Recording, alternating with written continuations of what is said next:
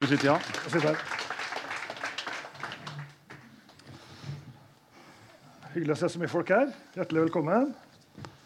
Og skal vi si velkommen til Bjørn Eidsvåg da? Tusen takk.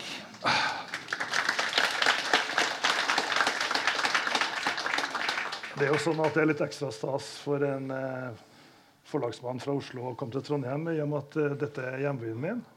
Men det er ikke hjembyen din, Bjørn. det er det ikke. Nei, og så må jeg jo nevne at uh, i tillegg så har han bursdag i dag. Det er gavebord backstage, så så dere kan bare uh, Føler du deg litt trøndersk i dag, kanskje? Bjørn? Altså, Jeg føler meg trøndersk hver dag. jeg. Ja, det er klart det. Aldri så lite. Det er veldig bra. Bitt, bitt, litt. bitt, litt. Du har jo også viktige trønderske forbilder. skal vi komme tilbake til da. Vi skal komme grundig tilbake til det. Ja. Og så er det sånn at uh, vi har uh, i Aschehoug vært veldig stolt av å gi ut en bok her som heter 'Tro og trass'. Um, du er jo kjent som uh, rockeprest. er liksom den offisielle stillingsbetegnelsen din. Jo, takk. Uh, står i telefonkatalogen. Nå er du også da rockeprestforfatter. Hva tenker du om det? Altså, Jeg synes jo, jeg har jo på en måte hatt en liten drøm om å bli forfatter siden jeg var en guttunge og satt på gutterommet og lagde skisser til den ultimate roman. Eh, som aldri ble noe av. Det, tekstene mine ble kortere og kortere. Det endte med å bli små sanger. Så det er liksom det som har blitt greia mi. da. Men eh, å bli forfatter syns jeg har alltid hørt spennende ut. Men da jeg, da jeg, begynte for alvor å skulle være det, så var det ikke så gøy lenger. Altså, det er et utrolig slitsom sak å skrive bok. Det, jeg tenkte at Hvis du er forfatter, så bare suger du av eget bryst og skriver og formulerer og lager alt sånn, og så skal forlaget bare si 'Å, fantastisk, dette gleder vi oss til å gi. Sånn var det ikke. Det er utrolig mye hjelp å få, og veldig mye korreksjoner. Og av og til så mista jeg fullstendig troa på at jeg i det hele tatt kunne skrive. Men det ble bok. Ja, det ble bok. Det ble bok. Og det ble en bra bok også. Eh, ikke bare vi i forlaget som er stolt av det. Jeg bare kan kort uh, nevne at den har fått veldig gode anmeldelser, ikke minst i Aftenposten, uh, hvor anmelder Hilde Østby skrev følgende Halleluja og amen. Når Bjørn Eidsvåg er ute etter hjertet ditt, da er løpet kjørt. Og hun mener at denne boka her er det samme som en flatpakket dose sjelelig heroin. Altså en bok du kan bli sløv av. ja, det blir vel sløv av det, kanskje. Ja, så det, Vi er veldig fornøyd med boka. Bjørn er sikkert fornøyd, han også. Det kan vi få dommen etterpå. Uh, men boka heter altså 'Tro og trass'. Og da må vi med en gang høre litt Hva Bjørn Eidsvåg, er det du tror på, og hva er det du trasser mot? Jeg har ble dratt med inn i et lavkirkelig miljø på Vestlandet eh, fra jeg var liten guttunge. Altså Hele slekta mi, var, særlig farslekta, var svært religiøse og kristelige. Det var liksom overskriften på, på alle. Altså Jeg har 14 onkler og tanter på farssida som er dødskristne, hele gjengen. Eh, og i begravelsen til farmor, for eksempel, så kappa da, da slåss de om å ha det, de sterkeste vitnesbyrdet. Eh, som ikke hadde noe med farmor å gjøre i det hele tatt. De skulle bare frelse hverandre. og De var jo frelst så solid fra før. Så, det, så jeg kommer fra et ganske tungt eh, kristelig miljø. Masse humor, masse gøy. Men, eh, og ble dratt med på bedehuset fra jeg var liten av. Så jeg fikk jo et forhold til dette, og jeg fikk særlig et forhold til Jesus, som jeg syns var den kuleste i verden. Eh, kompiser hadde Tarzan og Yukan og sånn som forbilder. Det syns jeg var barnslig. Eh, for Jesus var kulere enn alle. Altså Jesus var han som fronta kjærlighet og rettferdighet og tok seg av de svake og løfta opp de som var undertrykt. så dette syns jeg var mye kulere enn han som slengte seg fra liane til liane og ropte wow, wow, et eller annet. Eh, men så kom ungdomstid. altså Begynte tenk, å tenke selv. da. Og da syns jeg at veldig mye av det skal si, teologiske stoffet eller tankesettet som var der, var for komplisert å, å tro på. Og for tøysete, rett og slett. Jeg synes rett og slett Mye av det var for dumt. det var for dumt at vi ungdom, unge gutter ikke kunne ha langt hår. At Jesus var imot langt hår. Det var sånn, what? Og at det lå et, altså Hvis du drista deg til å gå med langt hår, så, så var du en kandidat til å havne i helvete. Og bare, altså bare hel, Selve helvetestanken syntes jeg var helt grusom. Du kan ikke fronte eh, liksom Jesus som kjærlighetens spydspiss. Han som skal trøste og hjelpe og løfte opp de undertrykte, og sånne ting, og så si etterpå, eller si i samme sleng at hvis du ikke tror sånn som vi gjør, da har vi et ris bak speilet. Og det er ikke et hvilket som helst ris. Du skal nemlig brenne til evig tid. Så det er best du er med. Altså, det er en hersketeknikk. Eh, det er undertrykkende måte å forkynne på, og det er noe som er virkelig eh, vil til livs. altså en sånn tanke han vil til livs. Fortapelse er et begrep som, som, som, kan brukes, tenker jeg, fordi at vi, vi er alle i den situasjonen at med ødeleggelseskrefter eller ødeleggende krefter i oss og rundt oss kan dyrkes på et vis. Altså I en sånn terapeutisk sammenheng så, så, vet vi at en kan gå inn i en sirkel der en bare gjør ting verre og verre og verre for seg sjøl. Det er en slags fortapelse. Og vi kan stelle til ting rundt oss som er en slags fortapelse. Sånn som nå med, med miljøkonsekvenser og, og, sånne ting. Det er jo, Vi rigger jo til en slags fortapelse. Men at fortapelse er noe, er et sted som du skal havne etterpå og fordi at du ikke tror rett, det er tøys. Det, dette har jeg studert nøye, så dette vet jeg mye om.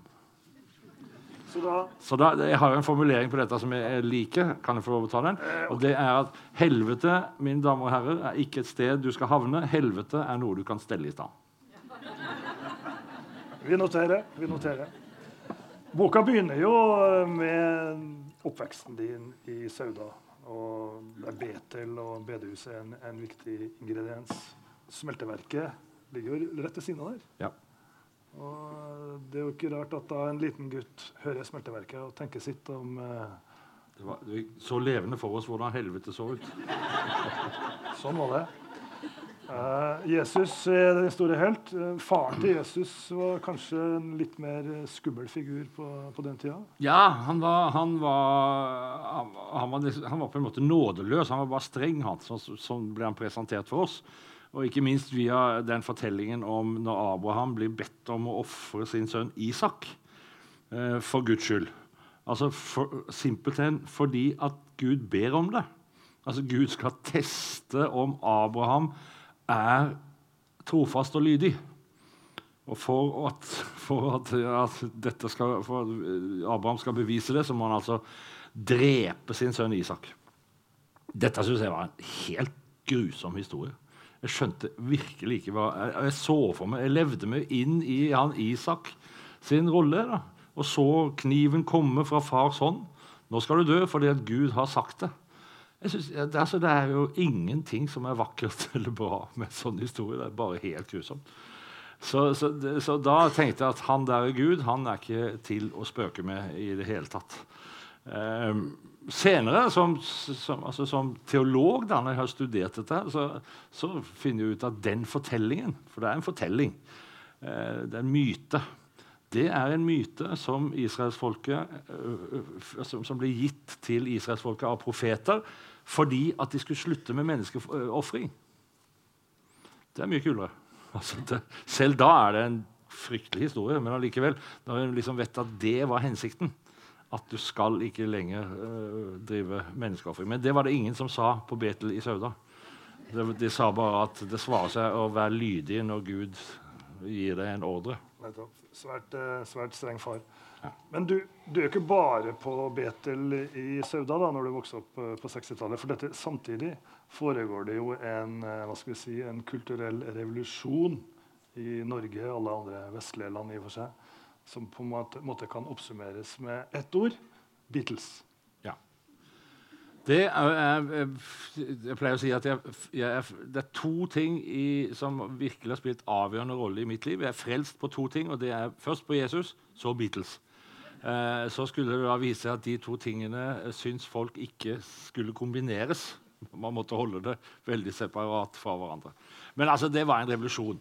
Når Beatles kom Jeg var musikkinteressert fra før. Jeg likte masse forskjellig musikk. Men når Beatles kom, og hele den bølgen med britiske band og senere amerikanske, eh, så, så var det akkurat som en fikk en helt ny identitet. Eh, eh, det åpna seg en verden som, som, ja, som, som rett og slett sånn fysisk åpna huet mitt for at verden er så mye større enn Sauda og Betel og lavkirkelighet og forkynnelse. Se på dette. Så det ble, altså kom Dylan i etterkant og fylte disse sangene eller den type musikk med, med spennende innhold. Og da Ja, da Da ble verden ny for meg. Altså var, og, og de Voksne prøvde jo på alle måter å stoppe oss. Altså de, I det kristne miljøet så snakka de om at den rytmiske musikken var djevelens musikk. Det prella av som vann på gås. Altså det, var, det var klin umulig å skulle tenke at det, had, at det var Hvorfor i all verden skulle ikke Gud like, eller Jesus like, like den musikken? Det, det, var, det, kom ikke på tale å tenke i de baner i det hele tatt. Men det var fordi musikken gikk litt for fort? Hvis det var litt saktere musikk, så var det godkjent? Ja, det er riktig. Altså, hvis, eh, når vi da skulle få denne musikken inn i kirka eh, og på bedehuset, eller bruke dette språk, musikalske språket, så var det om å gjøre at det ikke gikk for fort. For det var tydeligvis tempo som var eh, djevelen. Det var der ja, djevelen satt. der. Og du Ja. som har drevet med fortrock, du Ja. er rett og slett solid fortapt i utgangspunktet. Takk for det. Da sier jeg som vokalisten i ACDC Hell ain't a bad place to be. Nei. Maybe not. Men Beatles kom der. Du får et nytt innhold i livet ditt på mange måter. Og bestemmer deg kanskje der og da. Du må spille, du også. Ja. Og dere starter band. ja. Vi starta band, og det var kun én av oss som kunne spille. Det var fire stykker. Kun én av oss, altså fire stykker. Eh, og han spilte piano og bitte litt gitar. Eh, og han og vi var veldig gode venner. Eh, han heter Oskar Våge Pedersen. Og eh, han, han altså, vi, Det var jo Beatles. Vi skulle jo bli Beatles. Vi skulle jo vi skulle, like populære på verdensbasis som The Beatles var. Vi skulle få jentene til å gå fra uh, konseptene og hyle på oss på samme måte som de hylte for Beatles. Uh, og vi skulle lage minst like bra musikk. Og bandet het The Leeches. The Leeches. Det var det første Beatles, Leaches, ja, det var det første vi, av, vi diskuterte. Det var hva skal vi hete. Det var det Og så fordelte vi roller. Fordelte vi rollen, altså En ble Ringo, en ble George Harrison, Oscar ble Paul McCartney, jeg ble John Lennon. Det var jeg som hadde regien på akkurat det møtet. Eh, og så var det da å Hver og en fikk i, oppgave å skaffe seg de respektive instrumentene eh, til neste gang vi møttes, hvor vi skulle ha første øvelse. Og sånn gikk det. Riktignok så kom eh, Ringo bare med en tamburin, men, men det var rytmeseksjon, så ja. Jeg synes jo Det er også en fin uh, nøkkelscene i boka. her, når uh, ok, Beatles var én ting, det fantes andre uh, britiske band som også gjør inntrykk. Du sitter på gutterommet ditt og, og spiller, spiller musikk. Ja. Da, var, altså, da kokte det i, i, i det kristelige miljøet i hele Norge. Altså, det kokte egentlig i hele Norge. De av dere som er gamle nok til å huske dette, vet at dette her Altså Nå, når, når det er musi musikk i kirken, er det ingen som kritiserer eller reagerer på eh, om det er rock, eller om de som står der, er troende eller ikke. eller om de hører til. Altså, det er liksom, Nå er alt åpent. I denne tida så var det ikke sånn i det hele tatt. Altså Det var ulovlig. Organistene rundt omkring i Norges land var fly forbanna på denne musikken og prøvde å stoppe det med alle midler. Og det, det, ja, diskusjonene gikk høyt. Uh, uh, så, sånn at og, og, altså, Min far og mine foreldre, var, særlig min far, var sterkt imot denne musikken. og syntes at vi, vi burde slutte med det og spilte alternativ musikk. altså Noen forferdelig dårlige ting som bare lo av, om vi, om vi ikke heller kunne like det. Så uh, kom jeg hjem med en singel av uh, The Kings, eller Dave Davis, uh, broren til Ray Davis, i The Kings, som het 'Death of a Clown', eh, som jeg likte veldig godt. Da spilte den på en Bambinett platespiller på gutterommet om og om og om igjen. Og var helt henført hvor tøft dette var. Da til slutt så kom min far stormende inn på gutterommet, står i døråpningen og kjefter med huden full pga. dette her bråket og den støyte musikken. Og når du hører på den låten, så er det ikke støyete i det hele tatt. Eh, og, så si, og, så sier han da eh, nå, du, nå, må du bestemme deg. Enten Jesus eller Kings. Altså, det var så dumt. Det, det var så dumt. Jeg sitter og ser på eller tenker Er du så dum, far? Så jeg tok da jeg, jeg, Far og meg har det, dessverre det til felles at vi er litt lettsinna begge to. Eh, så jeg tok plata av platespilleren, og så kasta jeg det mot han, og så sa jeg det blir Kings. ja, det var kanskje et greit valg, det.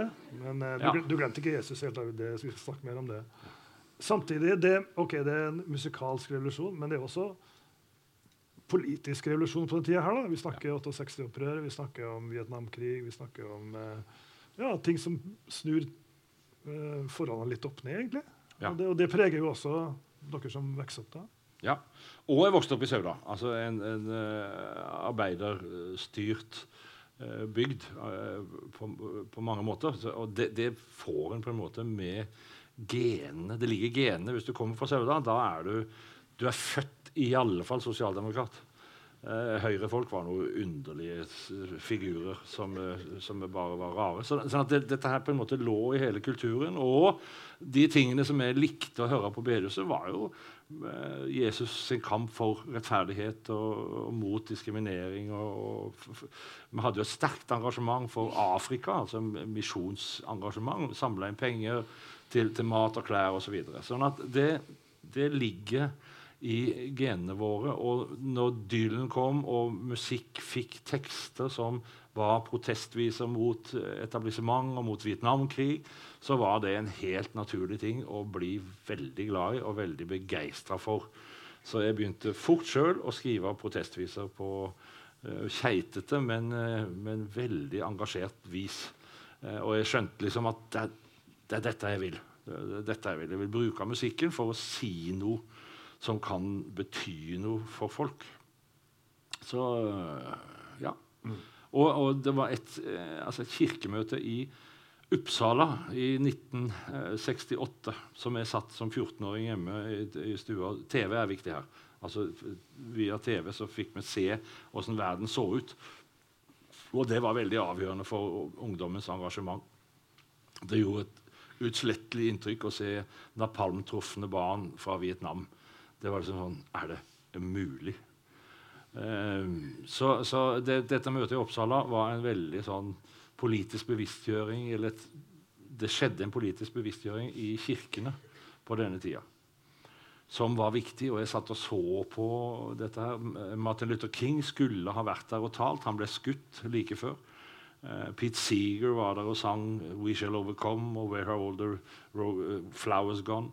Uh, og jeg, jeg, kjente liksom dette er, dette er en kirke jeg vil gjerne tilhøre med et sånt type engasjement. Så det var nok toneangivende på åssen min vei skulle bli. da. Mm. Men uh, før vi går videre i din uh, historie, hvordan gikk det med The Leaches egentlig? Ja, hvordan gikk det? Er de fortsatt aktive? Eller? Nei, The Leaches er ikke Det ble aldri noe Det ble ikke verdensherredømme? Nei, det ble ikke det. det, det vi, til slutt så var det bare han Oscar og meg igjen. Så vi, da var vi liksom nærmere Simon Garfunko. eh, og det var greit, det for oss. Vi skrev masse låter sammen og hadde det fryktelig moro. Vi kunne holde på i timevis. Og vi satt i en sånn murkjeller eh, hos Oskar og de, for der var klangen så bra. Altså, det, det var sterk romklang, og det var, det var altså, det, Tenke på hvor gøy det var. altså hvor, Hvordan det fløy når vi holdt på med det. altså det var Musikk er gøy. Ja, det var en slags spire til videre karriere. Ja. Uh, Sauda, første kapittel i ditt uh, liv. Uh, som dere skjønner, mange gode historier derfra. I 1973 så flytter du til Oslo. Og det kapitlet som tar for seg Oslo, har fått tittelen 'Det lovede land'. Jeg hadde gleda meg fryktelig lenge til å flytte fra Sauda. Eh, jeg syns at det var tungt å bo der. og Jeg, var nå eh, TenSing-leder for et kor på 120 ungdommer. Eh, skrev musikk for det. Det var veldig gøy sammen med Anne Oskar. Og vi satte opp teaterforestillinger, musical altså det, var, det var et veldig aktivt miljø. Men, men, det lå hele veien på meg dette her med at jeg skulle være et kristent forbilde. Altså at jeg, jeg måtte leve ordentlig og fint. Altså, det skal man jo. Men, men jeg syns det der ble litt sånn tyngende. Blant annet så var det ikke mulig for meg å drikke alkohol. Eh, det ble advart sterkt mot. Eh, og, altså, sikkert med god grunn, men, men det var liksom sånn, særlig fordi at jeg var kristen. Det var helt umulig å drikke alkohol, og fordi at jeg var en kristen ungdomsleder. Men jeg hadde jo lyst til å drikke alkohol. Altså, venn, Vennene mine jeg så jo at de hadde det gøy når det var en fest. Og jeg tenkte liksom en øl eller noe vin det kan da ikke være så farlig.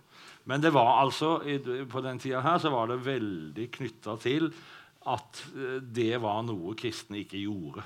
Eh, det, det var liksom i synd-kategorien. Sånn tenkte ikke jeg om det. Jeg hadde en svigerfar eller han som ble en svigerfar, som jobba i alkoholomsorgen, rusomsorgen. Eh, som, han var prest, men jobba der. Eh, og jeg, jeg, fikk virkelig et innblikk i at alkohol, hvor destruktivt og farlig eller altså, sosialt skummelt alkohol kan være. Jeg ble dratt med i en del sammenhenger av svigerfar for å hente ut noen periodedranker som lå på hytta inne i fjellet. og litt sånn forskjellige ting, Så, så jeg skjønte jo at dette her er, dette er ikke noe å spøke med. Men jeg hadde jo lyst på øl. Så da jeg kom til Oslo, så det første jeg gjorde når mor og far hadde satt meg av der jeg skulle bo, i kjelleren på ei kirke i, i Tonsen kirke i Oslo, så dro jeg rett til Majorstua, i nærheten av der hvor Menighetsfakultetet lå. Jeg gikk på en kro som heter Kosekroken. Satt meg inn i et hjørne og drakk øl. Først så sjekka jeg rundt i lokalet om det var folk fra Sauda. Og jeg tror jeg drakk tre øl, og jeg ble altså verdens blideste bjørn. Jeg tenkte nå er jeg i himmelen. Endelig kan liksom livet for alvor begynne. Og så, så skulle jeg møte kjæresten min senere på kvelden. da, Hun gikk på menighetssøsterhjemmet. Så jeg kom dit, da. Yr og blid og brisen. Altså Husk på at dette var mine tre første øl, så det var jo og hun ble selvfølgelig sjokkert over min oppførsel og tok meg til side og sa at det var alkoholforbud på menighetssøsterhjemmet. Så jeg ble lurt inn en bakvei, så ingen skulle se at eh, Ragnhild, altså min kone, hadde besøk av en fyllik. så så lenge var Adam i paradis. Men det, ja, det var sikkert fint. Men eh, det var jo ikke Jeg har hørt at øl skal være ganske godt. så jeg skjønner det. Ja. Um, men det var ikke bare øldrikking da, da du flytta til Oslo. Du begynte jo på Menighetsfakultetet ja. og skulle studere teologi. Uh, hva slags sted var det den gangen? Menighetsfakultetet er et konservativ læreranstalt, og var det særlig da. Altså det en, en, en, et universitet som er oppretta for å holde fast på den konservative teologien. Den ble oppretta i Eh, protest mot eh, Teologisk fakultet på Blindern. Eh, og, og, det preger selvfølgelig undervisningen. Preget. Ikke så mye i dag. Det er et langt åpnere og friere sted i dag enn det var da. Men det var altså en hel gjeng med Jesusvekkelsesungdommer. Altså langhåra hippie Eh, visespillende, gitarspillende ungdommer, politisk bevisste, sosialetisk bevisste, som møttes der og trodde egentlig at dette var en slags leir for oss uh, som, som, hadde et friskere synspunkt på, på ting enn en det den etablerte kirka hadde. Så omtrent, jeg tror det omtrent 50% av de av oss som begynte, da, sakte, men sikkert slutta eller begynte på noe annet fordi at leiren ble for kjedelig i lengden. Um, men, men, jeg hadde det fryktelig fint der og veldig gøy i begynnelsen. Og syntes det var kjempekjekt å studere. Få innblikk i, i ting som jeg ikke tenkte for før. Jeg hadde jo vokst opp med at Bibelen må leses bokstavelig. Altså, biblis, altså biblis, biblisisme. Uh, altså, altså, det som står, det står. Jeg ser forresten det at sånn er det ennå. Det ligger en snutt ute på eh, hjemmesida vår på Facebook der jeg snakker fra Litteraturhuset i Oslo om eh, Jeg tror det er helvete der òg. Eh, et eller annet. Da, da, ser jeg at det er veldig mange under som skriver ja, men det er ikke det som står. Eh, det som, jeg, jeg holder meg bare til det som står. Og Bjørn Eidsvåg står ikke for det som står.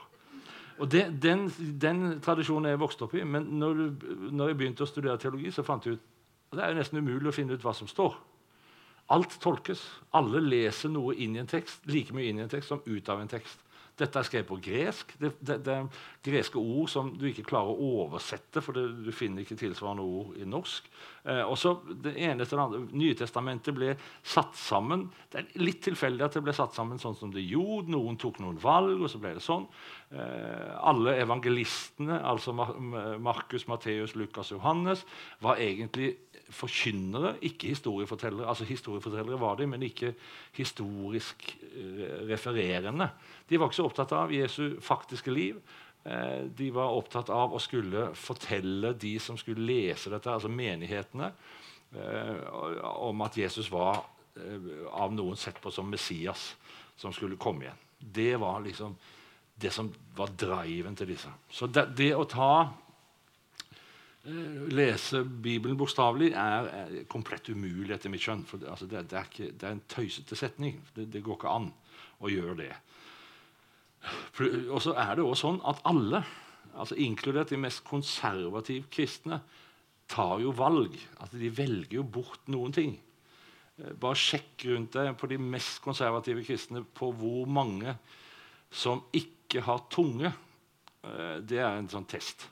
For i Bibelen så står det at hvis eh, du lokkes til løgn, er det bedre å kutte av deg tunga di. Og hvis du skal lese Bibelen bokstavelig, så hadde vel da de fleste av oss vært tungeløse. Det er litt flåsete, men, men det er sånn det er. Poenget mitt er at alle tar valg.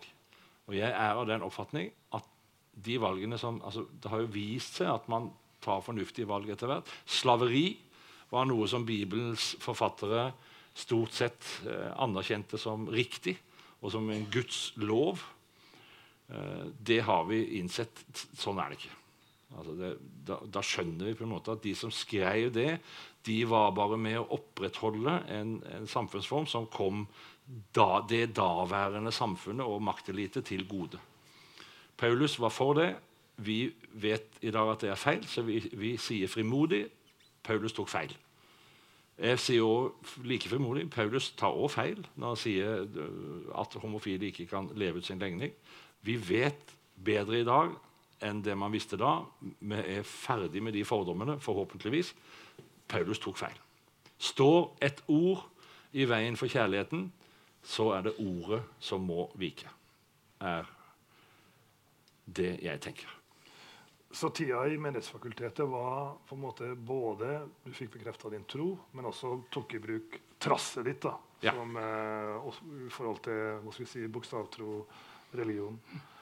Eh, men har ting bedra seg? Altså synet på religion, eh, toleranse, mm, siden den gang?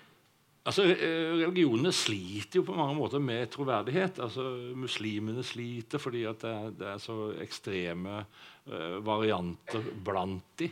Uh, vi kristne sliter uh, i den forstand altså, på å, å være trover en troverdig samfunnsaktør. ikke minst nå den siste debatten om konverteringsterapi, altså homoterapi. Eh, at det ligger liksom og ulmer der at det er ennå ikke lov å, å, ha en seksuell legning. Og Derfor så skal det, man skal, kunne, altså, skal be om at de skal slippe. Det er en underlig formulering. Altså betyr, da, det betyr selvfølgelig at Gud vil gripe inn og gjøre det fordi han mener at det er feil. Eh, og det kan, det kan, ikke jeg gå med på i det hele tatt. Eh, og det er, altså, det er undertrykkende elementer i alt organisert eh, religion og, og, for så vidt alle sånne ideologisk baserte eh, organisasjoner, så er det undertrykkende elementer. Eh, mulighetene for hersketeknikker og manipulering er konstant til stede. Og hos oss kristne så er det sånn at det er liksom en ting som sitter i at du skal underkaste deg, du skal være lydig og lydig Gud. Du skal liksom underkaste, du skal lytte til autoriteter. Og Autoritetene er jo da ofte presten eller pastoren. Og det er også en utrolig skummel vei å gå. For gir man pastoren eller presten makt, så kommer pastoren eller presten til å bruke den makten på et eller annet tidspunkt på en manipulerende og undertrykkende måte. Se filmen 'Disko'. Eh, det er et, et veldig sånn tydelig dokument på at sånn fungerer det ennå. Eh, men, men, det har skjedd gode ting i kirka, syns jeg. Og det, det, er jo fordi at, etter mitt skjønn, fordi at det har kommet så mange kvinner som prester. Det har kommet en, en raushet, en varme, en, en, omsorgsfaktor inn i forkynnelsen, inn i kirka, som, som, jeg mener at det er de kvinnelige prestene som har heldigvis og takk og lov kommet inn i kirka, som har fronta og som har fått til. Så jeg, er, jeg, jeg har håp, jeg. Det er bra. Eh, litt tilbake til tida på Menighetsfakultetet, eller dvs. Si eh, det du ikke drev på eh, da du, eller det du med da du ikke studerte, for det står i boka om den tida. da. Mange av oss var langt mer knyttet til gitarene våre enn til den hellige boka vi studerte. Ja. Uh, musikken tog, altså, fikk mer og mer plass uh, i, i, mitt liv og i mange av oss sitt liv. Vi starta band på Menighetsfakultetet begynte så smått å turnere. Fikk etter hvert platekontrakt. Ga ut første plata på Kirkelig kulturverksted i 1976. Um, vi var antikommersielle, altså ikke-kommersielle, og var egentlig imot å selge. Vi mente jo at uh, hvis vi ga ut en plate, så sto vi i fare for å korrumpere vårt eget budskap fordi vi ville bli på et eller annet tidspunkt mer opptatt av å selge plater enn å si de riktige tingene. Så og dette må du drive på med fortsatt, er det ikke det? Hva, det er ja, ja, ja, Men dere var til og med så, så hardcore streng at det ikke var lov å gi applaus? Ja. Når vi, når vi syntes at vi hadde sanger som var alvorlige nok, så ba vi publikum om vær så snill, ikke klapp. Sitt i ro og tenk nøye over det vi nå har sagt altså, var, tida var litt sånn. Eh, var, altså, vi krevde ting av publikum, og publikum var stort sett lydige. de altså. Så, og det var ikke bare liksom inn i, inn i vårt miljø. Det, det var, det, sånn var det på den tida. Jeg husker jeg var på en, en, konsert på Kløver i Sauda med Finn Kalvik. Og da var det noen, eh, noen av gutta i byen som var veldig glad i øl, som satt bakerst. Og de snakka for mye. Og Finn gikk ned og vingla opp med dem. Og forlangte nærmest at de, de, måtte kastes ut, for de ødela hans konsentrasjon. Så det, sånn var det. Altså, og så er det jo sånn, ja Du sa det sjøl, du har gitt ut eh, første plata i 1976. og Det blir jo en del oppstuss, eh, mye oppmerksomhet. Men eh, kona di var litt eh, nervøs for at det skulle bli for mye? Ja, det, det er jo konstant. da også. Da også. Ja. Hun er altså hun, hun, eh, Vi var, ble kjærester da vi var 16. Og da begynte da, Det var jo før alt dette her begynte på, for alvor. da. Men det så smatt Nei, sakte, men sikkert Eh, smått om sen så sto det litt om i aviser. Rogalandsavis, Haugesundsavis, Stavanger Aftenblad skrev litt om det. Plutselig så var jeg på radioen NRK Rogaland og prata. Det, det syns hun var litt mye. Hun syntes det var litt flaut, og hun syntes jeg sa litt rare ting. Eh, så hun, hun, var liksom ikke den største Hun var ikke kjempefan. Hun var glad i meg, men hun var ikke så fan av det. hun og da var det en, en dag hun sa det at eh, når dette begynte å ta litt av da, så sa hun at eh, OK, det er greit. Altså, radio og, og aviser og sånt er greit. Men den dagen du kommer på TV, da slår jeg opp. Men, men, dere er fortsatt gift, eller? Ja, er fortsatt gift. Jeg syns jeg har sett deg på TV, så ja. Det, ja, ja. OK. Det gikk bra. Jeg kan jo si det, altså Hun, hun, hun gifta seg eh, til Eidsvåg, altså Ragnhild Eidsvåg. Men da, min, da jeg kom på TV da karrieren begynte å ta litt. Da tok hun tilbake, da strøk hun Eidsvåg og tok tilbake sitt jentenavn. Hun ville ikke assosieres med han der Eidsvåg. Musikerkarrieren eh, begynner å, om ikke ta av, så i hvert fall eh, manifestere seg som en, en, viktig del for deg. Og du drar også på turné med, med disse kompisene i bandet. Og som du skriver i boka om turnélivet, da Jeg ble gjendøpt i øl og konjakk og frelst av turnélivets gleder. Fortell. Jeg gikk, jeg gikk jo i lære hos Åge Aleksandersen, så ja, Nettopp. nettopp. Nei, altså det var, For meg var det veldig befriende å komme inn i et musikermiljø som ikke hadde disse, denne her kristelige glasuren. Altså I sånne kristelige miljøer så, så, blir det fort til at man oppfører seg litt kunstig. altså fordi at en, en, en, skal tilfredsstille en mal som er ganske streng. En skal liksom uh, være rettroende og from nok og oppføre seg ordentlig og tenke riktig og tror, ja, tror etter at, så, Og det fører til at jeg syns veldig ofte at det ble klamt og vanskelig eh, å ikke si, det, si ting rett ut. da. Ikke, liksom, ikke få lov til å være straight forward. I musikermiljøet så var det sånn. Da var, der var liksom ingen hemninger på å si akkurat Og vi, vi øvde sammen når vi, når vi, spilte inn ting, og sånne ting, så var det liksom rett ut av posen på hva vi syntes og hva vi tenkte. Og ja, det, det var et rett og slett et, et, for min del et mye bedre miljø å være i. Jeg pusta friere. Jeg det var, og, og, hvis det var ting som var vanskelig, for klart det var det også der, så snakka vi om det. Så tok vi det opp, og så prøvde vi å gå videre. Uh, og det, det, var jeg ikke helt vant til fra det miljøet jeg kom fra. Og det er klart at det var en, en god del alkohol. Jeg synes det, det var jo en, en, kul ting. Og, og Krampa tok nok meg iblant fordi at eh, den der kristen, altså Jeg skulle virkelig bevise at jeg ikke var sånn, sånn kristen-kristen. Altså, og da pælma jeg nedpå med øl og konjakk og ble den fulleste Eh, som et slags uh, vitnesbyrd om at det var fullt lovlig å, å bli dritings. Jeg blei lei av det. Jeg syntes ikke det var så kult på sikt. Uh, så jeg, jeg, klarte å trappe ned det, heldigvis.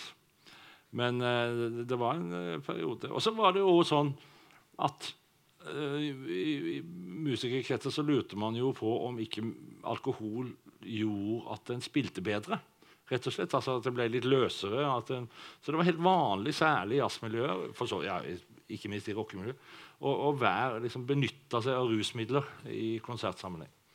Det var, det var, ikke uvanlig. Jeg fant ut at det, den regelen gjaldt ikke for meg. Altså, Jeg ble bare dårligere og dårligere hvis jeg drakk. så jeg, jeg innførte for min egen del, og det har for så vidt bandet mitt òg alltid hatt, at eh, vi drikker ikke før jobb eller under jobb men vi får drikke så mye vi vil etterpå.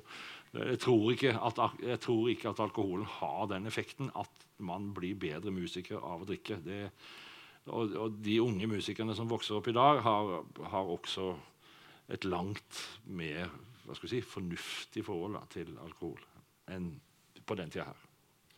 Og så blir du jo ferdig på Menighetsfakultetet, ferdig uteksaminert ved et par eh, ekstraomganger, kan vi vel si.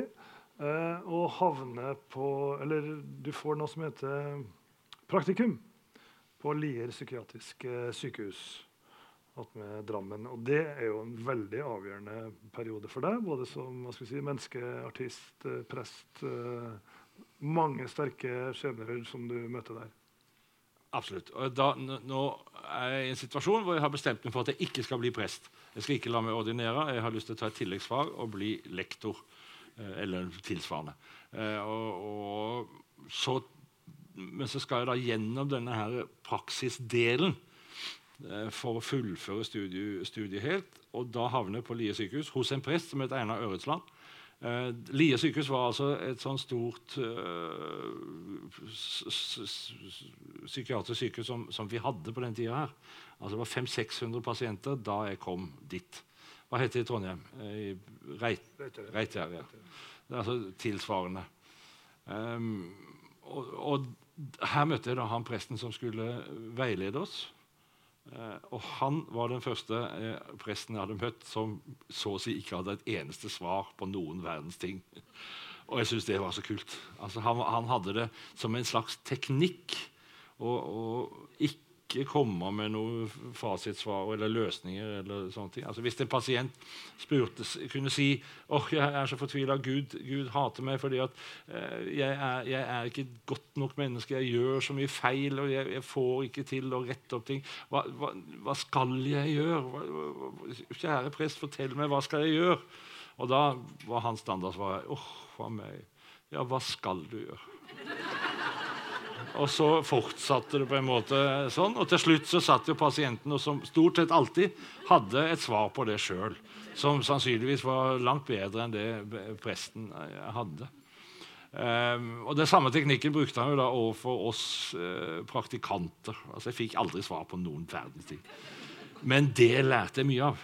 Det lærte jeg veldig mye av, og jeg, jeg fant ut at ok, dette, jo, dette, er meningsfylt. Dette er en bra måte å fungere med den utdannelsen jeg har, som en del av kirka. Så dette kan jeg gjøre. Så jeg fikk tilbud om uh, å vikariere i den stillingen, og så senere fikk jeg den stillingen og ble der i åtte år. Og Det første gudstjenesten jeg skulle ha alene altså Gudstjeneste på Lie sykehus var en, en fryd. Eh, på mange måter. Og en belastning på andre. Altså, det var en, det var en krevende, krevende, øvelse fordi at eh, spontaniteten blant mange av pasientene som, var, som hadde psykoser eller andre ting, som, eh, som, kunne bryte ut og si ting som ja, som var liksom helt absurde greier som du måtte forholde deg til på en eller annen måte. Vi hadde egen røykeavdeling bakerst i lokalet. Eh, og da hendte det en gang med presten før meg som står med ryggen til alteret. Eh, to alterlys. Han, han, er midt i en bønn. Så hører han at det kommer noen og går over alterringen. Eh, og så lener vedkommende seg over skuldra til presten med en rullings i kjeften. Han lener seg mot alterlyset og ser på presten og sier 'Skal bare ha fyr igjen'. Så sånne, sånne ting skjedde stadig vekk. Altså. Og det var eh, Natt, Nattverden var veldig populær? Ja, nattverd var veldig populær. Det var en som var altså så glad i nattverd. Han eh, kunne ikke komme fort nok til, fram til alteringen Han var alltid først liksom, i rekka. Så når jeg da endelig i hans, uh, hans verden var ferdig med den lange nattverdliturgien, så løp han bang rett ned på plass nummer én. Og da jeg liksom eh, verdig og eh, litt høytidsfullt kom og, og skulle gi han eh, oblat Altså 'Dette er Jesu legeme', da treiv han det, og så sa han 'Det veit jeg vel!' og da ler alle andre. Så alle dette, her. Så det første gudstjenesten jeg skulle ha, da sier jeg da til min veileder at eh, kjære Einar, nå, altså, nå, har du vært på de gudstjenestene jeg har hatt der jeg har prøvd meg til nå, men nå skal jeg være alene. Hva skjer? Hvis, altså, hva skjer hvis det koker helt? Altså hvis det tar helt av? Eh, og jeg har ikke den tyngden og den uh, erfaringen eh, som, som, du har, og, og at, at, det går rett og slett av skaftet. At jeg ikke får det til. Ja, nei, hva skjer da? ja, men, ja, men tenk, tenk, om vi ikke klarer å, altså, tenk om vi ikke klarer å gjennomføre en gudstjeneste. Ja, tenk om du ikke klarer å gjennomføre en gudstjeneste. Og det, selvfølgelig så gikk det jo da opp for meg den måten han svarer på, at det er jo selvfølgelig helt sant. Altså Hvis det skjærer seg helt, og, ikke, og jeg ikke får til å gjennomføre eh, og avvikle en gudstjeneste, så går det an for meg å si kjære menighet, i dag får jeg det ikke til. Vi prøver igjen om to uker. Så det, jeg fikk svar, selv om jeg ikke fikk svar. Og Det var jo på mange måter det som skjedde da en av dine aller største låter ble skapt også. på den tida her. Ja. Eh, 'Jeg ser', som har en spesiell forhistorie. Det er å møte med en av de, disse skjebnene. selvfølgelig. Og du skal ha gudstjeneste, men tenker jeg at eh, dette blir vanskelig. Hvor vanskelig kunne det bli? liksom? Men eh, da gjør du noe annet. Ja, jeg fikk en tekst som jeg skulle preke over for Gammeltestamentet, om pottemakeren som ikke får til å dreie potter. altså Han må begynne om igjen og om igjen på, på potter og kar. Og Det er egentlig en tekst som er midt i blinken for meg, som har et litt sånn terapeutisk innsteg til, eh, til liksom hva forkynnelse skal være for noe. Det skal, det skal, bygge oss opp. Det skal prøve å, å, at, at, vi skal få realisert den beste, beste versjonen av oss sjøl. Det er liksom den hjelpen vi skal få. Eh, så dette tenkte jeg dette er enkelt. Her kan jeg bruke alle terapeutiske, all, terapeutisk lærdom som jeg har. Jeg har en tilleggsutdannelse som familieterapeut. Så jeg hadde liksom vært innom eh, masse eh, terapeutiske retninger. Dette får jeg til. Men alt jeg skrev, bare, ble bare svada. Altså, det ble bare tøys. Jeg fikk det ikke til. Det ble bare liksom sånn Æsj. Så jeg ga opp. Så tenkte jeg ok, men jeg tar med gitaren eh, i morgen, og så synger en del viser og knytter noen tanker til det. Men for at eh, jeg, jeg, har en ganske høy arbeidsmoral. Litt sånn protestantisk der. Eh, sånn at jeg, forlangte av meg sjøl at jeg må komme med noe nytt. At jeg må yte noe for denne spesielle anledningen. Da skrev jeg 'Jeg ser' på ti minutter. Spilte han inn på en kassettspiller. Gikk og la meg to-halv tre-tida. Sto opp dagen etterpå og skulle liksom ta den siste forberedelsen til gudstjeneste. Hørte på den, og så fant jeg ut ja, det var ikke så verst. Den kan jeg ta med. Så tok vi det, og så spilte sang jeg den, og så kjente i det jeg sang den for den menigheten som vi hadde der da, at her er det noe. Denne, denne treffer på et vis som ikke kunne ha forutsett, eller som ikke har spekulert i. eller ting. Den er, den er på en måte... Jeg har et sånt forhold til den sangen og et par andre at det er liksom noen sanger som du bare finner iblant. No, noe som er ferdigskrevet. Og så er du det heldige finneren. Den ligger der ute et eller annet sted. Eh, sånn har, har, jeg det med ser. At jeg, jeg, tar liksom ikke helt æren for ham. at, på mange måter så gjør det Altså, jeg tar alle penger for han. Eh, så, så, eh, men det er liksom samme med 'Skyfri himmel' og en sånn sang som, som, bare Den kom mens jeg egentlig holdt på med noe helt annet. Så fikk jeg bare en sånn, en sånn strø i det og skrev den innmari fort. Så noen ganger er man heldig. Og jeg ser var det jo flere enn uh, du sjøl som var veldig fornøyd med. Den ble jo spilt inn på en plate som solgte vanvittig ja. mye, nemlig Sissel Kirkebøs Ja, det var hennes første plate. Ja. Og da var jeg ser med, og det var ikke du så veldig lei deg for. Nei, Først ble jeg litt lei meg for det, for jeg var ikke blitt spurt. Altså, Jeg fikk vite det etter at plata kom ut, at jeg ser var med, så jeg ble litt sånn hm, Jaså, er det måten å gjøre det på? Men så skjønte jeg jo veldig fort at ja, det er helt greit. Det, altså, Den plata solgte 500 000-600 000 eksemplarer. Eh, og jeg er da med altså, Tono er en rettighetshaverorganisasjon for oss. Hver gang vår musikk blir spilt, for vi, oss som lager musikk og tekst, så registreres det, og det betales inn penger, og vi får det ut igjen eh, fra Tono. Tono passer på at hver eh, låt av meg som spilles på radio, registreres, og at jeg får betalt for det. Det er samme på konserter og strømmetjenester og sånt. Så der hadde jeg vel en sånn omsetning i året på 16 000-17 000 eh, i noen år. Og var veldig godt fornøyd med det, og betrakta det som eh, gratis penger. altså sånn eh, det var, det, var, det var, kjekke penger som vi kunne bruke til noe gøy. Det, og så plutselig, det året siste kirkeby, året etter siste Kirkeby hadde gitt ut sin bok, så får jeg altså 270 000 kroner inn på kontoen fra Tono. Og jeg tenker med en gang her, her er det noe feil. Og jeg får et sånn etisk dilemma. Skal jeg si at de kanskje Må jeg si dette her? Eh, og Da er kona mi helt klinkende klar. Er du gal? Det må være feil. Du må gi beskjed. Det er andre som skal ha disse pengene. Nei, det var jeg som skulle ha disse pengene. Og majoriteten av de pengene kom da fra Sissel Kyrkjebø sin plate. Da starta jeg, danna jeg noe som, het, som jeg kalte for Sissel Kyrkjebø-fondet. Eh, for jeg, jeg, jeg syns dette var så, så, morsomme penger, at, og jeg levde av noe annet. Altså, jeg levde av konsertene og jobben min på, på Lier sykehus. Så jeg tenkte dette er en tilleggsgreier som vi kan ha det gøy med. Så da brukte jeg det fondet på å invitere venner og medmusikere ut på gode middager. Og drakk gode viner til. Så det fondet ble forholdsvis fort tappa. Men, men, det var jo på en måte starten på hva skal jeg si, ditt virke som heltidsartist. da. At du skjønte ja. at her, her, var det ting Og det kom plater og det kom plater og plater. Og plater.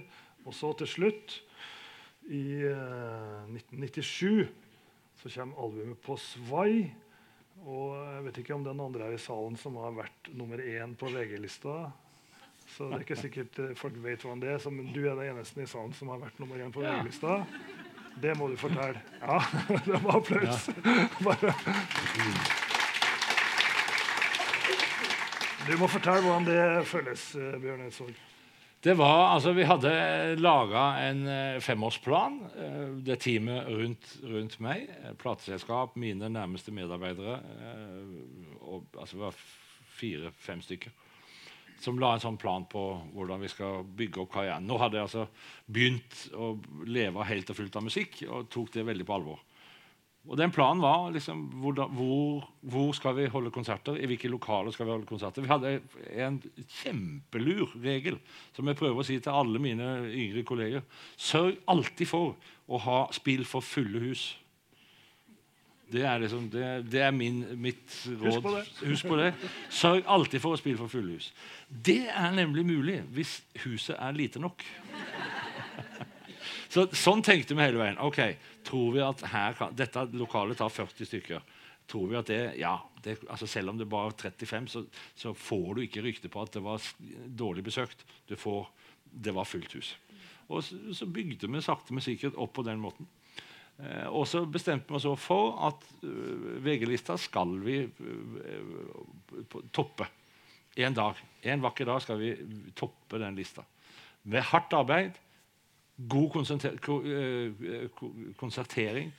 Og jeg hadde òg en annen lur ting som jeg mener sjøl gjorde i den tida. Det var at jeg samarbeida masse med lokale kor og korps og eh, sangerinner, sangere eh, og musikere. Altså skal, lage en allianse eh, på Finnsnes og i Alta og på, eh, på Flisa. Til, altså, de får et eierskapsforhold til til låtene mine. Og så tikka da inn denne her på Sveiplata inn, som vi hadde spilt inn på hytta mi på fjellet. Eh, så det var litt sånn low budget i tillegg. så Det kosta ikke så fryktelig mye å lage. Og, og, så blei det en Altså da plutselig Jeg fikk telefon en mandagskveld, tror jeg det var, at Bjørn, det er Altså, i morgen er det, eller onsdag, er vi på førsteplass. Vi er på førsteplass. Han som ringte meg, han gråt av glede. Jeg ble helt yr. Jeg fikk jo ikke sove den natta. Det, VG ringte samtidig eh, og ville ha intervju med meg om å liksom slå opp dette her, og det, det, fikk de. sånn at når dagen kom, da, så var det liksom helside med meg og førsteplass for første gang og uh, denne VG-lista, og det var bare uh, Da kjente jeg at uh, dette er gøy. Dette er utrolig gøy. Og jeg hadde glemt helt ut det der ikke-kommersielle anti... Det, det, var nå et tilbakelagt stadium. Og det ble suksess og suksess og suksess, og det Ja, det gikk til hodet på deg, eller hvordan var det? Ja, altså, Jeg er den oppfatning at eh, all suksess går til hodet på dem som har det. Altså hvis, hvis, du er mye i, hvis du har en posisjon, eller du har makt eller innflytelse, så vil du på et eller annet altså det, det, gjør noe med deg.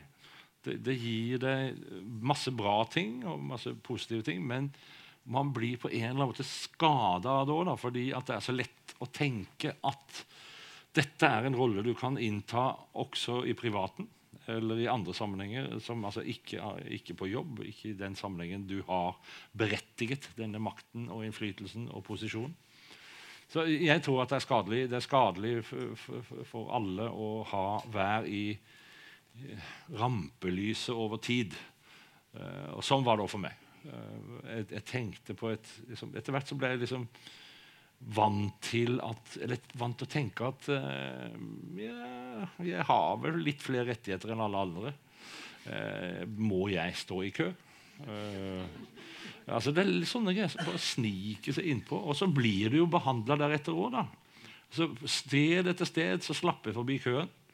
Og da til slutt så tror du på at det er en, det er en helt grei ting. Så uh, da er det bra å ha gode venner og en sterk familie som uh, gir en beskjed om hvor skapet skal stå. Det er ikke alltid jeg hører etter, men de gangene jeg gjør det, så pleier det å være riktig valg. Men vi må jo ikke si at det har gått riktig så bra. Du har blitt en av de største artistene i Norge. Men det er jo sånn at her i byen så har vi jo en som kanskje enda større enn deg sjøl. Eh, nå, vi, nå, nå, må vi være litt forsiktige, her, tror jeg, men, eh, men, likevel. Det er en artist som bare har fornavn. Du har jo ikke bare fornavn. Du er, bare, du er ikke bare Bjørn. Altså, du, kunne, nei, du, må være Bjørn Eidsvåg, men, men, her har vi en som bare har et fornavn, eh, som heter Åge. Åge Aleksandersen. og han, eh, han, han, er jo eldre nå, så han er på en måte en liksom artistisk storebror også. For han har vært viktig for deg? Åge har vært veldig viktig for meg. Åge eh, altså, mitt, mitt, første møte med Åge Aleksandersen var på et fly til Trondheim dagen etter han hadde sanka inn alt av Spellemannspriser som var mulig å få tror jeg, den sjangeren hans. Så Åge og Sambandet tok samme fly som meg til Trondheim, eller omvendt. Eh, til Trondheim. Jeg skulle spille i Samfunnet alene med kassegitar, og de skulle hjem. Så da kom Jeg kjente jo selvfølgelig veldig godt til Åge, og sånne ting, og så visste at han hadde hørt en historie om at han sto i en platebutikk her i byen, og at han, noen hadde vært der inne og kjøpt en plate av meg. Og så hadde Åge skrytt av den plata til vedkommende. Altså Det hadde jeg liksom hørt, og det betydde at jeg tenkte ah, der vet Åge Aleksandersen altså om meg. Så kommer Åge inn på flyet eh, litt etter alle de andre. Sambandet går forbi meg, setter seg bak meg, og sånne ting. Og jeg sitter jo ok. Eh, jeg tror jeg var på nikk med et par av de gutta. Og Så kommer Åge, og han sitter litt foran. Og så snur han seg og ser bakover, og så vinker han. Og jeg tenker wow! Og så, så snur jeg meg, så ser jeg at det er ikke meg. Altså, det er, det, jeg tror det var der i Tyskland eller noe sånt. Så, så det var sånn Nei. Men eh, etter hvert så, så fikk vi eh, kontakt. Eh, og han rett og slett Vi skulle teste ut om Åge og Sambandet kunne være samarbeidspartner på en plate. Så jeg skrev noen låter og kom opp til Trondheim. Vi spilte det inn i studio som de hadde, og, og det virka veldig lovende. Da bodde jeg hjemme privat hos Åge og, og Toril. og eh, altså, Jeg var jo starstruck. Vi prøvde å oppføre meg så naturlig som mulig. Eh, det var ikke enkelt. Men her starta en, en, type kollegial kontakt, en, en, slags vennskap. Vi har ikke hyppig kontakt, men vi har, eh, vi har, av og til så har vi kontakt når det er viktig å ha kontakt for en av oss, eh, enten den ene eller den andre.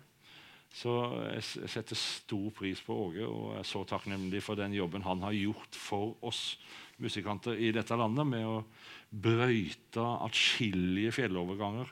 Han har vært den første som har gjort så mye og tatt støyten for ganske mye. Som andre har sluppet etterpå, da, fordi at Åge har gått først. Så jeg er veldig glad i Åge. Og alle kjenner jo visa der eh, Bjørn Eidsvåg kommer ramlende inn.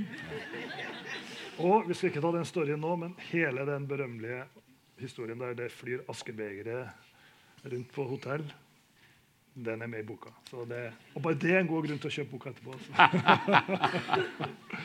men i løpet av den artistkarrieren Men jeg må bare si en ting i forbindelse med den her. altså, De gangene jeg har spilt med Åge på torget her og på Oscars eh, Sverresborg. Sveisborg.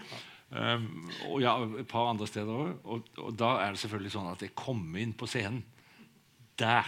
Altså, og hvem er det som kommer inn? Ja, hvem er det? Og så kommer vi.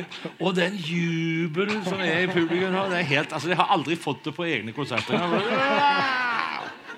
Så det, det funker. Det funker. Det funker. Men gjennom artistkarrieren. ok, Du er rockeprest som offisiell yrkesbetegnelse. Hvordan, hvordan, er ditt forhold da til starten her, Jesus? Hvordan har det vært å kombinere med det å være hva skal jeg si, folkekjær artist og alt det artistlivet? Ja, altså Min begeistring for, for uh, Jesus, altså det, uh, den Jesus som jeg har valgt meg, for å si det sånn Alle velger på en måte sin Jesus. altså den, Egentlig den som jeg fikk, ble fortalt om fra jeg var liten av. Han som, står, som slåss for de undertrykte. Han som ikke godtar diskriminering. Han som sier at autoritetene har ingen makt hvis de står for feil ting hvis de eh, innfører regler og lover som, som hemmer kjærlighet og rettferdighet. Eh, dette er et, et, forbilde for meg som fremdeles gjelder til, til de grader. Altså, jeg syns at det er Historiene om han og det han har sagt, er gode historier som jeg har lyst til å være med og fortsette å forvalte. Enten Altså i, øh, i, sanger Jeg kommer sikkert til å skrive flere sanger om, om akkurat det temaet. fordi at jeg syns det er viktig. Eh, fordi at jeg syns det er liksom en del av vår kultur som er trist om det blir borte. Og samtidig så er jeg veldig årvåken på liksom besudling av, av, de fortellingene. da. Og det er selvfølgelig mange som mener at jeg eh, besudler. Eh, og, og, sånn får det nå være. Eh, dette engasjementet har jeg fortsatt. Et, for min del så er Gud er kjærlighet. Eh, og, og, kjærlighet er vanskelig å, å definere og, og, forklare hva det er for noe, men det handler om, for meg handler det liksom om selve livets grunnvoll. Altså det som gjør at vi kjenner at livet må fortsette. Det som gjør at vi stadig får, får barn. Det som gjør at vi tar oss av og beskytter barn og barnebarn. Og, og gjør hva vi kan. Altså at vi våkner med hensyn til miljøengasjement. For vi ser at de ødeleggelseskreftene som vi er en del av når vi forurenser, det kan det ikke lenger være. Altså Den kraften som får oss til å innse de tingene, som får oss til å håpe, som får oss til å ikke gi opp når alt ser som svartest ut, og som om vi gir opp, kanskje er med å løfte oss en stund etterpå, det er for meg kjærligheten som jeg har lyst til å heie på, og som jeg da setter navnet Gud på. Og Det gjør jeg fordi at jeg ønsker å være med og helliggjøre det på et vis. da. Altså Løfte det opp som noe som er såpass viktig at det, det vil jeg kalle Gud. Eh, Martin Luther eh, På sin tid så kom han med et, et utsagn som er 'sola scriptura', altså Skriften alene. Det var et, Han viste da finger til pavekirken, for pavekirken tilla kom med en masse sånne tilleggskrav til folk for, for, å bli frelst eller være en del av kirken, som de måtte innfri. Og Ofte så innbefatter det litt penger og avlatsbrev og det ene med det andre. Og Da er det Martin Luther sier slutt med det tøyset. Folk kan bestemme sjøl. Pavekirken skal ikke detaljstyre folks tro på denne måten. Vekk med alt det. Skriften alene. La folk få tilgang til Skriften og finne ut sjøl. Det var viktig på den tida. Jeg mener at i dag så bør utsagnet være sola agape kjærligheten alene. Kjærligheten alene står som sagt noe i veien for at kjærligheten kan realiseres, så må det som står i veien, vike. Enten det er et Guds ord, altså fra Bibelen, Pauliord eller hva det måtte være. Det må bort.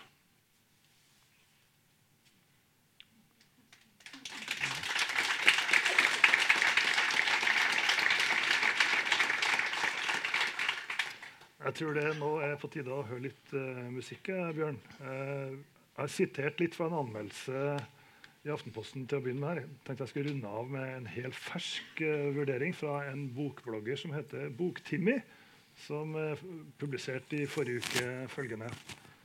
Jeg både tørket tårer, ble sjokkert og kjente på aggresjon når jeg leste denne godhjerta og rørende biografien.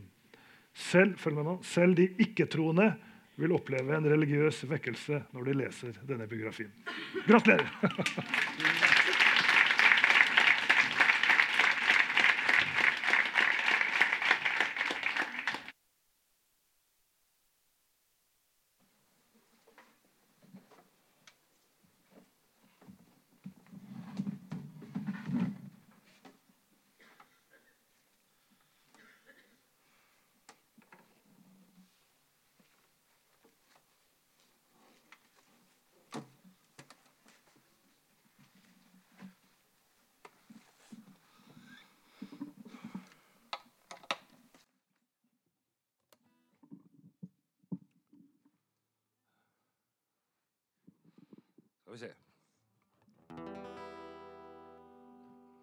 urolig og redd. Jeg er ikke vant med sånne rom. Men jeg er klar og kledd, sjøl om jeg føler meg litt dum. Det er så fint og flott her. Jeg hører ikke helt til. Skulle kanskje ikke ha gått her og bare latt det være i fred. Men jeg kommer når du ber meg, du får ta meg som jeg er. Får se meg, det som skjer meg. Du får grine eller le. Jeg er ikke særlig prektig. Jeg har riper, jeg har sår. Dette rommet er så mektig. Det er kanskje best jeg går. Vis meg nå ditt ansikt. La meg få vite hvem du er. Fyll meg med tru og innsikt. Jeg er klar for deg. Gi meg mer enn fine ord. Det er en kamp på liv og død. Be meg heller til ditt bord. By med vin og brød. For jeg kommer når du ber meg. Du får ta meg som jeg er. Det får skje meg, det som skjer meg. Du får grine eller le. Jeg er ikke særlig prektig. Jeg er riper, jeg har sår. Dette rommet er så mektig. Det er kanskje best det går.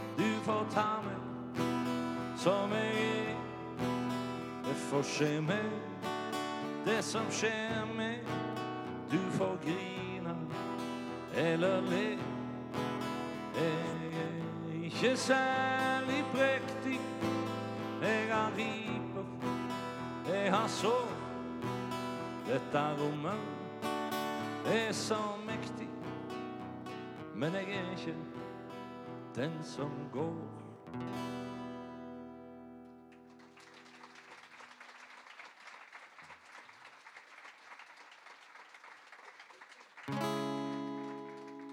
Litt lavere gitar.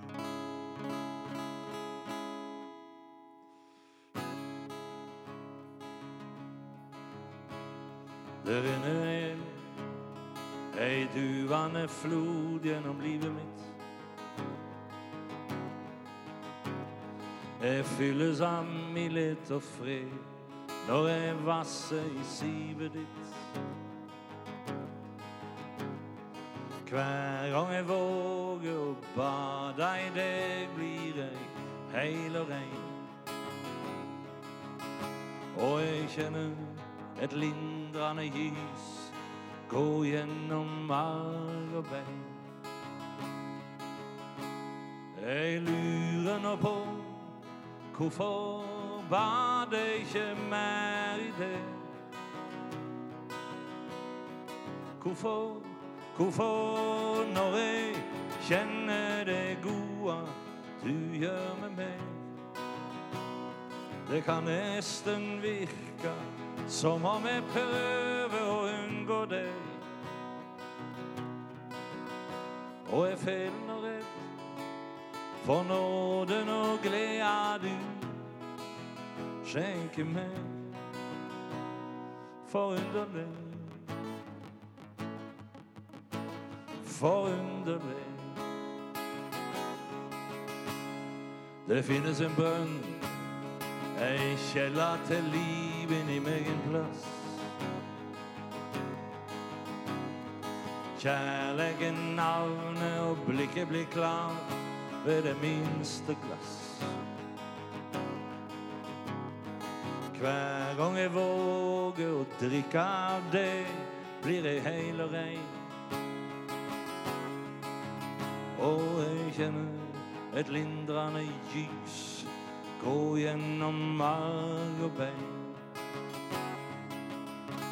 Jeg lurer på. Hvorfor drikker jeg ikke mer av det? Hvorfor, hvorfor, når jeg kjenner det gode du gjør med meg? Det kan nesten virke som om jeg prøver å unngå deg.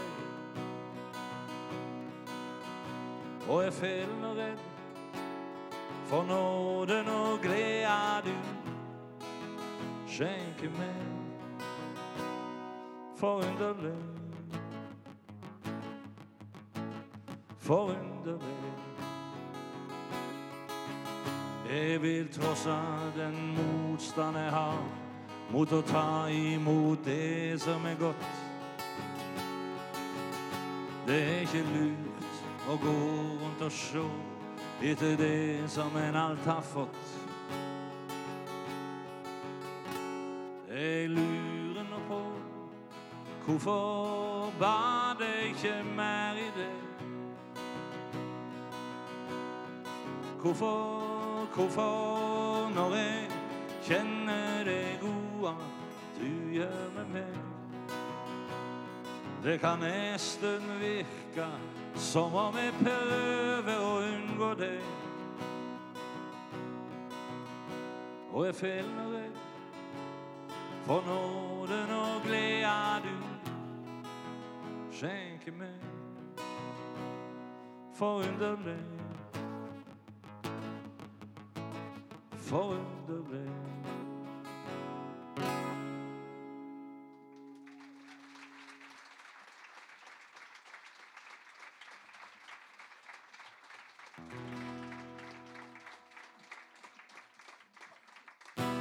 Jeg ser at du er trøtt, men jeg kan ikke gå alle skritta for deg.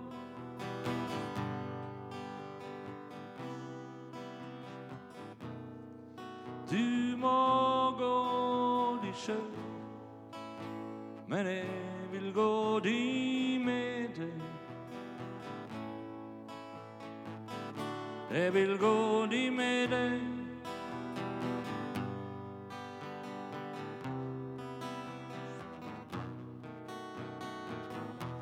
Jeg ser du har det vondt, men jeg kan ikke grine alle tårene for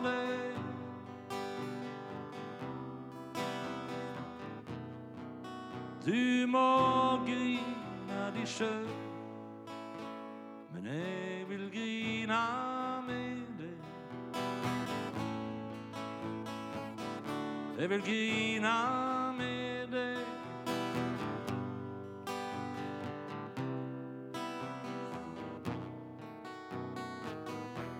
Jeg ser du vil gi opp,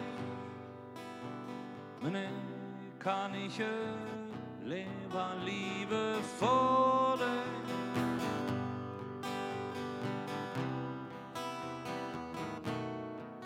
Du må leve det sjøl, men jeg vil leve med deg. Jeg vil leve med deg.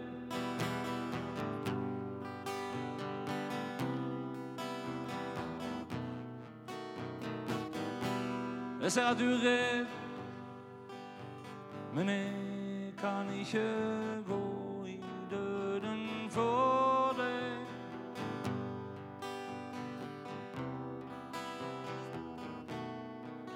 Du må smake den sjøl, men jeg er død til liv for deg. Jeg er død til liv for deg.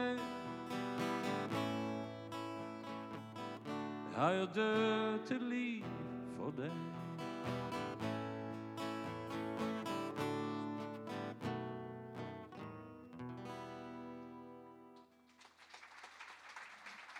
Tusen takk. Kan du mute Takk skal dere ha. Da setter vi ned for å skrive.